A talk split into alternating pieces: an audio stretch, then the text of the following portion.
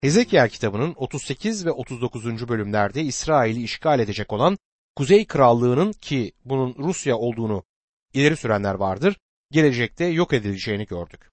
Şimdi soru şudur. Tanrı bu Kuzey Krallığı'nı neden yok edecek?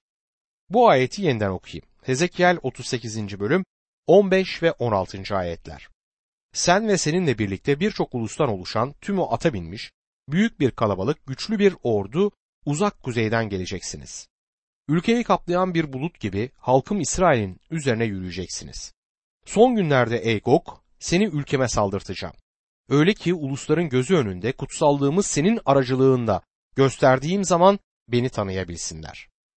Tanrı ne yapacaktır? Onları yok edecek. Birinin Tanrı'nın böyle bir şeyi gerçekten yapacağını mı söylemek istiyorsun diye sorduğunu duyabiliyorum. Bunu kesinlikle yapacaktır. Yanlış teolojiye inananlar ki bunlara liberal diyorum, Tanrı'nın seçtiği bir şeyi yok etmesiyle örneğin Rab İsa Mesih'in incir ağacını lanetlemesi ve birkaç domuzu yok etmesi gibi bunlarla ilgili sorunları vardır. Katıldığım bir konferansta böyle bir adam İsa'nın bu domuzları yok etmesinden dolayı neredeyse ağlıyordu. Bu hikayeyi Matta 8. bölüm 30 ila 32. ayetlerde okuyabilirsiniz. Buna karşın her sabah kahvaltıda bu adam domuz eti yiyordu. Görüyor musunuz aradaki çelişkiyi? Tanrı'nın yargılamasından hoşnut olmayan bu kişiler beni doğrusunu isterseniz pek etkilemiyor. Öyle sanıyorum ki Tanrı da onlardan pek hoşnut değil. Şimdi Hezekiel 39. bölüme geri dönelim. 3 ila 7. ayetler arasında şöyle yazar. Sol elindeki yayını vuracak, sağ elindeki oklarını düşüreceğim. Sen de askerlerinle senden yana olan uluslar da İsrail dağlarına serileceksiniz. Sizi yem olarak her çeşit yırtıcı kuşa, yabanıl hayvana vereceğim. Açık kırlarda düşüp öleceksiniz. Çünkü bunu ben söyledim. Egemen Rab böyle diyor. Magok'un ve kıyıda güvenlik içinde yaşayanların üzerine ateş yağdıracağım. O zaman benim Rab olduğumu anlayacaklar. Halkım İsrail arasında kutsal adımı tanıtacağım. Bundan böyle kutsal adımın aşağılanmasına izin vermeyeceğim. Uluslar benim İsrail'de kutsal olan Rab olduğumu anlayacaklar. Tanrı kuzeyden gelecek ulusu yok mu edecektir? Magok'un ve kıyıda güvenlik içinde yaşayanların üzerine ateş yağdıracağını söyler. Soru şudur. Tanrı bugün nerede? Tanrı yerinde duruyor ve evreni yönetiyor. Dünyada pek de Tanrı korkusu yok. Öyle değil mi? Genel yargı Tanrı'nın yaşlı bir adam olduğu ve dünyadaki adaletsizliğe göz yumduğudur. Tanrı neden adaletsizliğe karşı harekete geçmiyor? Hayır dostum Tanrı kutsal ve adildir. O yaşlanmış değildir. Tanrı lütfundan dolayı sabrediyor. Zamanı gelince Tanrı harekete geçecek. Bundan emin olabilirsiniz. Yüceliğini kanıtlayacaktır ama bunu kinci, öcalan ve ters bir tavır içinde yapmayacaktır. Yargılayacaktır ve yargıladığı zaman bu dünyada Tanrı'ya karşı bir saygı ve hürmet olacak ve insanlar onun önünde eğilecekler. Romalılar 2. bölüm 3. ayette şöyle diyor. Bu gibi şeyleri yapanları yargılayan ama aynısını yapan ey insan. Tanrı'nın yargısından kaçabileceğini mi sanıyorsun? İnsan yargıdan kaçamayacaktır. Günahın cezasından kaçabileceğini düşünür. Ama bundan kaçamayacaktır. İbraniler 2. bölüm 2 ila 3. ayetlerde çünkü melekler aracılığıyla bildirilen söz geçerli olduysa her suç ve her söz dinlemezlik hak ettiği karşılığı aldıysa bu denli büyük kurtuluşu görmezlikten gelirsek nasıl kurtulabiliriz? Başlangıçta Rab tarafından bildirilen bu kurtuluş Rabbi dinlemiş olanlarca bize doğrulandı diyor. Dostum bu soruya Tanrı'nın bile yanıt vermediğini anlıyor musunuz? Bu denli büyük bir kurtuluşu görmezlikten gelirsek nasıl kurtulabiliriz? Tanrı başka yanıtım yok diyor bununla. Sonuç kurtulamayız. Bu sorunun yanıtı yoktur. Cehennemi duymaktan rahatsız olanlara şunu söylemek istiyorum ki dostum, cehennem var ve cehennem korkunç bir gerçektir. Bunu istediğiniz gibi yorumlayabilirsiniz ama burası yani cehennem kutsal Tanrı'nın kendisine karşı gelmiş olanları cezasını çekmeyecek günah işleyenleri bilerek Tanrı'ya ve onun kutsal adına küfredenleri özgürlük adına hayvan gibi yaşayarak ahlaksızlık yapanları koyduğu yer olacaktır. Dostum Tanrı'nın kutsal adı haklı çıkartılacaktır. Tanrı'nın kutsal adı nasıl haklı çıkarılacak peki? Nasıl kanıtlayacaktır bunu? Sevgisiyle mi? Rab bugün sevgisini oğlu Mesih İsa'yı vererek gösterdi. Onun adını ananlarımızın öğrenmesi gereken bir ders var. Onunla oynayamayacağımızı öğrenmemiz gerekir. Rabbe karşı küstahça davranamayız. İstediğimiz gibi yaşayıp sonra da onunla ahbaplık edemeyiz. Tanrımız kutsal olan bir tanrıdır, onu istismar edemeyiz. Günah işleyip sonra da bundan kaçamayız. Eğer bu mümkün olsaydı o zaman Tanrı bizden daha iyi olamazdı. İnsan yalnızca bir yaratıktır dostum. Tanrı'nın isteği egemen olacak ve bizim pozisyonumuz da onun önünde eğilmek olacaktır.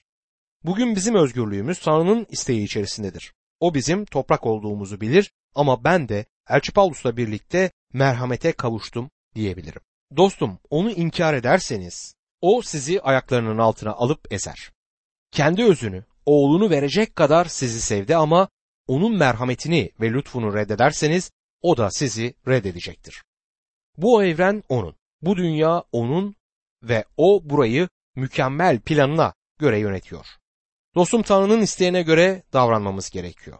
Hezekiel kitabının sonuç bölümünde Milenyum Tapınağı'nın yani yeni tapınağın betimlemesini görüyoruz. Milenyum Tapınağı'nın yanında ülkeyle ilgili bir görümü de göreceğiz. Milenyum Tapınağı'nın betimlenmesine ilk önce bakalım. 40 ila 42. bölümler Milenyum Tapınağı'nı anlatır.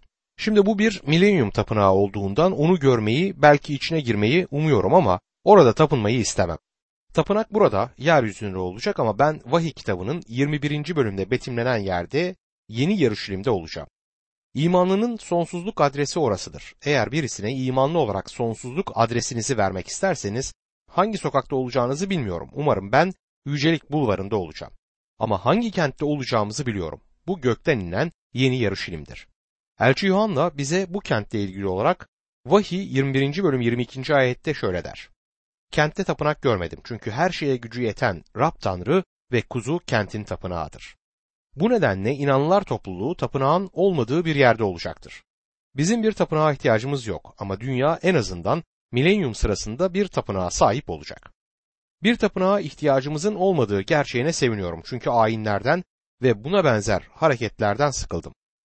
Yeni Yaruşilim'in tapınak olduğu yerde yukarıda Rab Tanrı ve kuzu ile birlikte olmaktan büyük bir sevinç duyacağım. Orada onlarla beraber olacağız ve bunun ne kadar harika bir şey olduğunu canlandırmakta bile güçlük çekiyorum. Hezekiel kitabında belirli bir ilerleme ve gelişme gördük. Düşman yok edildikten sonra İsrail milenyuma girer ve yeryüzünde bir tapınak olur. Yeryüzünden bahsediyoruz ve bu da İsrail ve diğer ulusların kurtulacağından bahsediyoruz anlamına gelmektedir. Mesih'in kilisesi o zaman yeni Yeruşalim'de onunla beraber olacaktır. Hezekiel 40. bölüm 1. ayette sürgünlüğümüzün 25. yılı yılın başında ayın 10. günü Yeruşalim kentinin düşüşünün 14. yılı tam o gün Rabbin eli beni yakalayıp oraya götürdüler. Yeruşalim yıkıldı ve tapınak yanmaktadır ama Hezekiel'e Milenyum Krallığı sırasında o kentte olacak olan tapınak şimdi gösterilecektir. Hezekiel 40. bölüm 2 ve 3. ayetlerde görümde Tanrı beni İsrail ülkesine götürüp çok yüksek bir dağın üzerine koydu. Dağın güneyinde kente benzer yapılar vardı. Tanrı beni oraya götürdü. Tunca benzer bir adam gördüm. Elinde keten ip ve bir ölçü değneği tutarak kapının girişinde duruyordu der. Kutsal yazılarda ne zaman elinde ölçü değneği tutan bir adam görsek ki bu genellikle bir melektir ve buradaki de bir melek, bununla Tanrı'nın yeryüzündeki halkıyla uğraşmaya hazırlandığını anlarız. Bunu peygamberlerde ve vahiy kitabında görüyoruz. Hezekiel 40. bölüm 4. ayette devam ederek bana insanoğlu gözlerinle gör, kulaklarında işit, sana göstereceğim her şeye dikkat et dedi. Sen bunun için buraya getirildin. Göreceğin her şeyi İsrail halkına anlat. Benim kişisel görüşüm şu. Hezekiel gelecekteki milenyum tapınağının görümünü görmesi için bizzat Yeruşalim'e getirildi. Hezekiel 40. bölüm 5. ayette tapınağı çepeçevre kuşatan bir duvar gördüm. Adamın elindeki ölçü değneğinin uzunluğu altı arşındı. Her arşına bir elin eni kadar uzunluk eklenmişti. Adam duvarı ölçtü. Kalınlığı ve yüksekliği bir ölçü değneği kadardı diyor. Tapınakla ilgili ayrıntılı bilgi 5. ayette başlar ve bu bölümlerle devam eder ama ben bu ayrıntılara girmeyeceğim. Çevresiyle ilgili bilgi verilir ve bunun muhteşem bir güzelliğe sahip olacağı bellidir. Hezekiel 40. bölüm 38 ve 39. ayetlerde iç avlu girişindeki eyvanların yanında kapısı eyvana açılan bir oda vardı. Yakmalık sunular burada yıkanıyordu. Eyvanın her iki yanında ikişer masa vardı. Yakmalık sunu, günah sunusu ve suç sunusu için hayvanlar bu masaların üzerinde kesiliyordu diyor. 39 ila 42. ayetlerde Musa'nın sisteminin Levillerin tapınma usulüyle tekrar eski haline geleceğini görüyoruz. Burada yakmalık sunu, günah sunusu ve suç sunusu bulunmaktadır. Hezekiel 40. bölüm 41, 42 ve 43. ayetlerde ise böylece kurbanlık hayvanların kesimi için kapının her iki yanında dörder olmak üzere sekiz masa vardı. Yakmalık sunular için yontma taştan dört masa vardı. Her masanın uzunluğu ve genişliği birer buçuk arşın, yüksekliği bir arşındı. Yakmalık sunularla öbür kurbanların kesiminde kullanılan aletleri bunların üzerine koyuyorlardı. Odanın duvarlarına çifte çengeller asılmıştı. Her biri bir el genişliğindeydi. Masalar sunulacak kurban eti için kullanılıyordu der. Milenyum tapınağında kurbanlar sunulacaktır. Bunu daha çok 45. bölümde anlatacağım.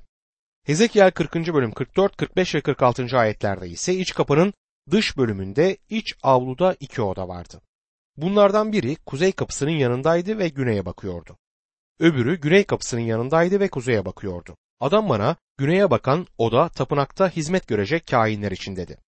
Kuzeye bakan odada sunakta hizmet görecek kainler için. Bunlar Levi soyundan Rabbe hizmet etmek için ona yaklaşan Sadak diyor. Tapınakta müzik ve ilahi söyleyenlerin de olacağını buradan anlıyoruz. Hezekiel 40. bölüm 47. ayette adam avluyu ölçtü. Kareydi, uzunluğu 100 arşın, genişliği 100 arşındı. Sunak tapınağın önündeydi der. Dikkatimizi kurbanlar için bir sunak olacağına çeker. Yarışilim'deki büyük bir otelde, ismi Holy Land Otel'di, Kral Herodes ve Rab İsa'nın zamanındaki kentin küçük bir minyatürü vardır. Aslında bu oldukça büyük bir model. Onu yakından inceleyince tapınaktaki kurban için bir sunak olmadığını görürsünüz. Sunak çıkartılmıştır. Ortodoks Yahudiler sunaktan biraz utanırlar ve liberal Yahudiler de bundan tamamen vazgeçmek isterler. Ancak Milenyum Tapınağı'nda bir sunak olacaktır. Milenyum Tapınağı'nda tapınma nasıl olacaktı? 43 ila 46. bölümlerde Milenyum Tapınağı'ndaki tapınma anlatılır. Milenyum Tapınağı'nı düşünürken Süleyman Peygamber'in tapınağının son günlerinde Rabbin görkemiyle Tanrı'nın huzurunun olmadığını anımsamamız gerekir. Ne var ki 43. bölümde Yücelik Tapınağı geri döner ve biz Milenyum Tapınağı'ndaki tapınmayı izlerken İsrail şimdi tapınacaktır. Bu Rab İsa Mesih'ten başkasını işaret etmez. Ezekiel 43. bölüm 1 ve 2. ayetlerde adam beni doğuya bakan kapıya götürdü. İsrail Tanrısı'nın görkeminin doğudan geldiğini gördüm. Sesi gürül gürül akan suların sesi gibiydi. Görkeminden yeryüzü aydınlıkla doldu der. Tanrı'nın görkemi doğudan gelir ve tapınağı doldurur. Bu Mesih'in yeryüzüne geri dönüşüdür ve o Rabbin yüceliğini beraberinde getirir. Beytlehem'e ilk geldiğinde Tanrı'nın yüceliği onunla beraber değildi. Hezekiel 43. bölüm 3 ve 4. ayetlerde gördüğüm görüm Tanrı kenti yok etmeye geldiğinde ve Kevar ırmağı kıyısında gördüğüm görümle benziyordu. Yüzüstü yere düştüm. Rabbin görkemi doğuya bakan kapıdan tapınağa girdi der. Öyle görünüyor ki Rab doğudan gelecektir. 44. bölümde bunu yine göreceğiz. Hezekiel 43. bölüm 19. ayette bana hizmet etmek üzere önüme gelen Sadok soyundan Levili kahinlere günah sunusu olarak bir boğa vereceksin. Egemen Rab böyle diyor der. Kitabın bu bölümünde tapınaktaki tapınma ele alınır. Sunulan sunular nitelik olarak anımsatıcıdır. Eski antlaşmanın sunuları onun sunusunu önceden sezerken bildirirken bu sunulan sunular Mesih'in çarmıhtaki işini anımsatmaktadır. 45. bölümde bunun ayrıntılarını göreceğiz. 44. bölümde Hezekiel'e doğu kapısından kente bir önderin gireceği anlatılır. 44. bölüm 1, 2 ve 3. ayetlerde şöyle der. Bundan sonra adam beni tapınağın doğuya bakan dış kapısına geri getirdi. Kapı kapalıydı. Rab bana bu kapı kapalı kalacak, açılmayacak, buradan kimse girmeyecek dedi. İsrail'in tanrısı Rab bu kapıdan girdi. Bu yüzden kapalı kalacak. Yalnız önder, önder olduğu için Rabbin önünde oturup ekmek yemek üzere eyvandan girebilir, aynı yoldan da çıkabilir diyor. Yaruşilim'in doğu kapısı kapalıdır. Tamamen duvarla örülmüştür. Bazıları Hezekiel'deki bu ayetlerin yerine gelmiş olduğunu ve kapının Mesih gelene dek açılmayacağını düşünüyor. Bu görüşle ilgili belirtmek istediğim iki tane itirazım var. Birinci nokta şudur. Burada sözü edilen önder Rab İsa Mesih değildir. Hezekiel bu önderin sunu sunduğunu ve Tanrı'ya tapındığını anlatır 45 ve 46. bölümlerde. Bu nedenle o Rab İsa olamaz. Rab İsa Tanrı'dır ve asla bir sunu sunmaz. Bunu yapmasına gerek yok çünkü o hanginiz benim günahlı olduğumu kanıtlayabilir diyendir. Bu önderin Davut olduğunu sanıyorum. Bunun Davut olmadığını düşünen pek çok önemli kişi var ama onlar da bunun Rab İsa olmadığını düşünüyorlar. Birçok kişi bu önderin Davut soyundan gelen başka biri olduğuna da inanır. İkinci itiraz noktam da şudur. Burada adı geçen kapı kentin kapısı değil tapınağın kapısıdır. Tapınağın henüz orada olmadığı doğrudur ve tapınak bunlar olmadan önce inşa edilmelidir. Kentin duvarla örülü kapısının bunlarla bir ilişkisi yoktur. O kişinin kentin doğu kapısından gelmesi olasıdır ama bu şimdiki kapı da olabilir. Yani şimdiki kapı yıkılıp yepyeni bir kapı yapılacak anlamına da gelebilir. Oradaki duvar ne Mesih'in ne de Hezekiel'in bildiği duvardır.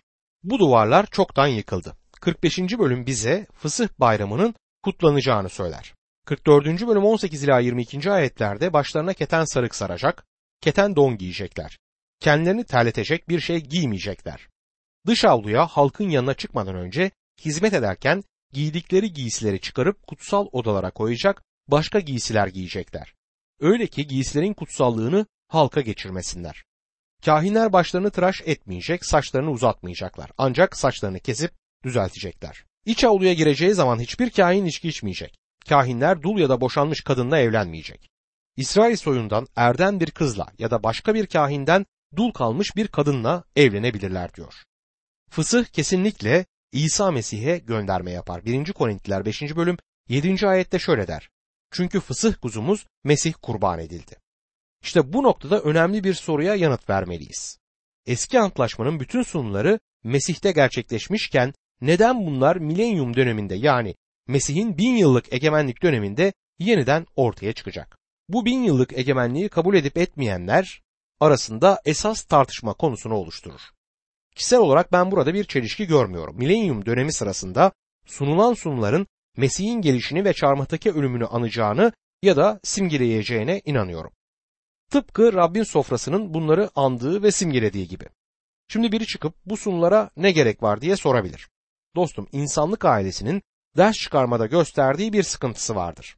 Bunun için Mesih'in kanının cennette olacağına inanıyorum. Bu kan bizi nasıl bu çukurdan çıkardığını göstermek için orada olacaktır. Günahtan kurtuluşumuz büyük bir işti ve bunu da yalnızca Tanrı yapabilirdi. Kiliseye bunu anımsatmak için Mesih'in kanı cennette olacaktır. Ve İsrail halkına nasıl kurtulacaklarını göstermek için de bu sunular yeryüzünde yeniden ortaya çıkacaktır.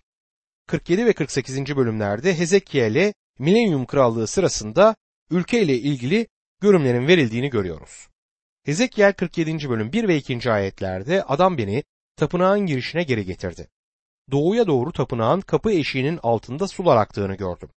Tapınak doğuya bakıyordu. Sular tapınağın güney yanının altından sunağın güneyinden aşağıya akıyordu. Kuzey kapısından çıkarıp dış yoldan doğuya bakan dış kapıya götürdüler. Sular güney yönünden akıyordu. Sular sunaktan geldi. Sunak tüm bereketlerin kaynağıdır. Bereketlerimizin hepsi Mesih'in sizin ve benim için çarmıhtaki ölümü aracılığıyla gelir. Buradaki su bir şekilde kutsal ruhu simgeler ve bu ayetlerden birçok ruhsal ders çıkartılabilir. Hezekiel 47. bölüm 3. ayette adam elinde bir ölçü ipiyle doğuya doğru gitti. Bin arşın ölçtükten sonra beni ayak bileğine dek çıkan sulara getirdi der. Beni ayak bileğine dek çıkan sulara getirdi. Bu inanlının ruhta yürüyüşünü ifade etmektedir. Hezekiel 47. bölüm 4. ayette ise bin arşın daha ölçtü ve beni dize kadar çıkan sulara getirdi. Bin arşın daha ölçtü, beni bele kadar çıkan sulara getirdi der. Beni dize kadar çıkan sulara getirdi, belimizi hizmet için hazırlamalıyız. Bir imanının yürüyüşü ve hizmeti Mesih'te kazandığımız kurtuluşa bağlıdırla ilintilidir. Hezekiel 47. bölüm 5. ayette bin arşın daha ölçtü. İçinden geçemediğim bir ırmak oluştu. Sular yükselmişti. İçinden yürüyerek karşıya geçilemezdi. Yüzlecek kadar derin bir ırmak oluşmuştu diyor. Yüzlecek kadar derin bir ırmak ifadesi ruhun doluluğunu belirtir. Bu Tanrı'nın bu insanların üzerine ruhunu dökeceği günü dört gözle bekler ama o bunu bugün yapmaz anlamına gelmektedir. Hezekiel 47. bölüm 6 ila 9. ayetler arasında bana insanoğlu bunu gördün mü diye sordu. Daha sonra beni ırmağın kıyısına getirdi. Oraya varınca ırmağın her iki yakasında birçok ağaç gördüm. Bana şöyle dedi. Bu sular doğu bölgesine doğru akıyor. Oradan Arava Vadisi'ne sonra Lut Gölü'ne dökülüyor. Göle dökülünce oradaki sular tatlı suya dönüşecek. Irmağın aktığı yerlerde her çeşit canlı yaratık kaynaşacak. Çok sayıda balık olacak. Çünkü bu sular oraya akıyor. Oradaki tuzlu suyu tatlı suya dönüştürüyor. Irmak aktığı her yere yaşam getirecekler. Birçok ağaç diyor. Bu yaşamlarımızda olacak meyvedir. Sizlere bu ayetlerde yaşamlarımıza uyarlayabileceğimiz bir şey vermek istiyorum. Ancak bunun yorumu İsrail halkı ile ilgilidir. Sunaktan sonsuz su kaynağının geleceği gün ülkeye bereket gelecektir. Evet dostum bugün o ülkede suya ihtiyaç var. 48. bölüm bize ülkenin 12 oymak arasındaki paylaşımını verir. Bizi en çok ilgilendiren ise Dan oymağıdır. Hezekiel 48. bölüm 1 ve 2. ayetlerde oymakların adları şunlardır. Kuzey sınırında Dan'a bir pay verilecek. Dan sınırı Hetlon yolunda Levo Hamat'a uzanacak. Hasar Enan ve Hama'ya yakın Şam'ın kuzey sınırı doğudan batıya uzanan sınırın bir bölümünü oluşturacak. Aşer'e bir pay verilecek. Sınırı Dan'ın doğudan batıya uzanan sınırına bitişik olacaklar. Dan'ın oymağı büyük sıkıntı döneminde mühürlenmiş oymaklar arasında olmamasına karşın bin yıllık dönemde vardır. Vahiy 7. bölüm 4 ila 8. ayetler arasında Dan oymağından bahsedilir. Dan oymağı büyük sıkıntı döneminde hizmet etmez ama Tanrı'nın lütfu onları bin yıllık döneme getirecektir. Biz de lütufla kurtulduk ve hizmetle ödüllendirildik. Hezekiel kitabı kentin milenyum tapınağı ve bin yıllık dönem sırasında ülkenin bir resmiyle biter. Bütün lanetler ortadan kaldırılır. Gerçekten muhteşem bir görüntüdür. Hezekiel 48. bölüm 35. ayet. Kentin çevresi 18 bin arşın olacak ve o günden başlayarak kentin adı Rab orada olacak. Hezekiel peygamber sözlerini çok harika bir ifadeyle bitirmektedir. Bu ifadede Rab orada olacak ifadesidir.